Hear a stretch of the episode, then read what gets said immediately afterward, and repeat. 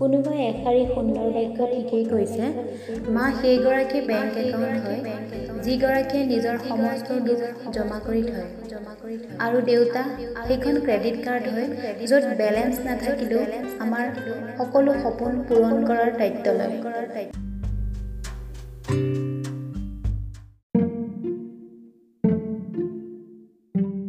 নমস্কাৰ বন্ধুসকল আশা কৰোঁ আপোনালোক কুশলে আছে। ৰিম্পি মটিভেশ্যন এণ্ড ফেক্ট চেনেলৰ জৰিয়তে আজি আপোনালোকলৈ আগবঢ়াই নিছোঁ এটি নতুন কাহিনী। কাহিনীটোৰ নায়কজন এজন ক'ভিডত আক্ৰান্ত ব্যক্তি হয় যিগৰাকীয়ে ক'ভিডত আক্ৰান্ত হৈ হস্পিটেলৰ এটা কোঠাত থাকিব লগা হয়। আৰু তেওঁ দিনে ৰাতিয়ে ভগৱানৰ ওচৰত প্ৰাৰ্থনা কৰি কৰিছিল যে তেওঁৰ ৰিপৰ্টটো যাতে সোনকালে নিগেটিভ আহে।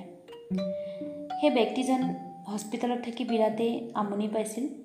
কিয়নো তেওঁ য'ত ৰখা হৈছিল এটা আইচলেশ্যন ৱাৰ্ড হয়। তাত কোনো বাহিৰৰ ব্যক্তিৰ প্ৰৱেশেই নাছিল। আনকি উৰে দিনটো উৰে ৰাতিটো তেওঁ অকলেই সময়বোৰ পাৰ কৰিব লগা হৈছিল। মনোৰঞ্জনৰ কাৰণেও কোনো ব্যৱস্থা নাছিল। খোৱা খাদ্যও আঁতৰতে দি থৈ গুচি গৈছিল। মুঠতে ক'ব গ'লে তেওঁ জীৱনৰ আটাইতকৈ বেয়া লগা মুহূৰ্তবোৰৰ সৈতে দিনবোৰ অতিবাহিত কৰিছিল। ফাইনেলি এক মাহৰ পিছত তেওঁৰ ৰিপৰ্টটো নিগেটিভ আহিল ক'ব নোৱাৰোঁ। তেওঁৰ ৰিপৰ্টটোত ভগৱানৰে আশীৰ্বাদ আছে নে ঔষধৰে দৰৱৰে প্ৰভাৱ আছে? হস্পিটেলৰ ষ্টাফসকলে হাঁহি মুখে তেওঁক ফুলৰ বুকে গামোচা আদি দি প্ৰশংসা কৰি ক'লে যে ক'ভিডৰ নিচিনা এখন ইমান ডাঙৰ যুদ্ধ আপুনি জয় কৰি আহিলে। সেই সময়ত কিন্তু সেই ক'ভিড আক্ৰান্ত ব্যক্তিজন কিবা এটা গভীৰ চিন্তাত ডুব গৈ আছিল। হস্পিটেলৰ সকলো ষ্টাফ আচৰিত হৈছিল। নিগেটিভ ৰিপৰ্ট অহাৰ পিছতো মানুহজন কিহৰ ইমান চিন্তা হ'ব পাৰে? হস্পিটেলৰ গেটত তেওঁক লগ পাবৰ কাৰণে তেওঁ পৰিয়ালৰ সকলো ইষ্ট কুটুম ভাই বন্ধু লগতে তেওঁ মৰমৰ পত্নীগৰাকী আনকি ল'ৰা ছোৱালীকেইটাও আনন্দত আত্মহৰা হৈ অধীৰ আগ্ৰহেৰে বাট চাই ৰৈ আছিল। কিন্তু সেই মানুহজনে কাকো ভূক্ষেপ নকৰি নিজৰ গাড়ীত উঠিল আৰু ড্ৰাইভাৰজনক এটা ঠিকনাৰ কথা ক'লে। গোটেই ৰাস্তাটো মানুহজনে এগৰাকী ব্যক্তিৰ কথাই ভাবি ভাবি গ'ল। কিছু সময় যোৱাৰ পিছত সেই ঠিকনাটো পালেহি আৰু দৌৰি গৈ গেটখন খুলি এটা বিৰাট ডাঙৰ কোঠালিত প্ৰৱেশ কৰিলে।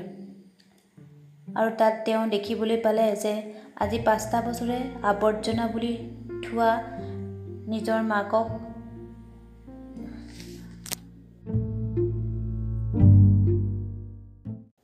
বৃদ্ধাশ্ৰমৰ সেই কোঠালিটোৰ ভিতৰত আজি পাঁচটা বছৰে আৱৰ্জনা বুলি পেলাই থৈ অহা নিজৰ মাকক তেওঁ দৌৰি গৈ সাৱটি ধৰিলে আৰু হুক হুকাই কান্দি ক'লে মা মোক ক্ষমা কৰি দিয়া।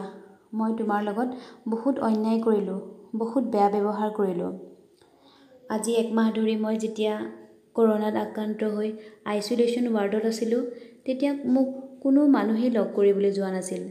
আৰু তেতিয়া মই অনুতপ্ত হৈ গম পাইছিলোঁ যে এজন মানুহ পৰিয়ালৰ পৰা বিচ্ছেদ হৈ থাকি তেওঁৰ অন্তৰত কিমান দুখ পাব পাৰে। আজিতো মই পাঁচটা বছৰে তোমাক ইয়াত থৈ মোৰ দায়িত্ব শেষ হোৱা বুলি ভাবি তোমাৰ এটা খবৰ ল'বলৈও অহা নাছিলোঁ।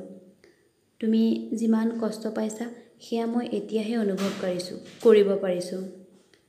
মা তোমাক আজি মই লৈ যাম। তুমি আৰু দেউতাই গঢ়াই সাজি থৈ যোৱা সেই সপোনৰ ঘৰখনলৈ।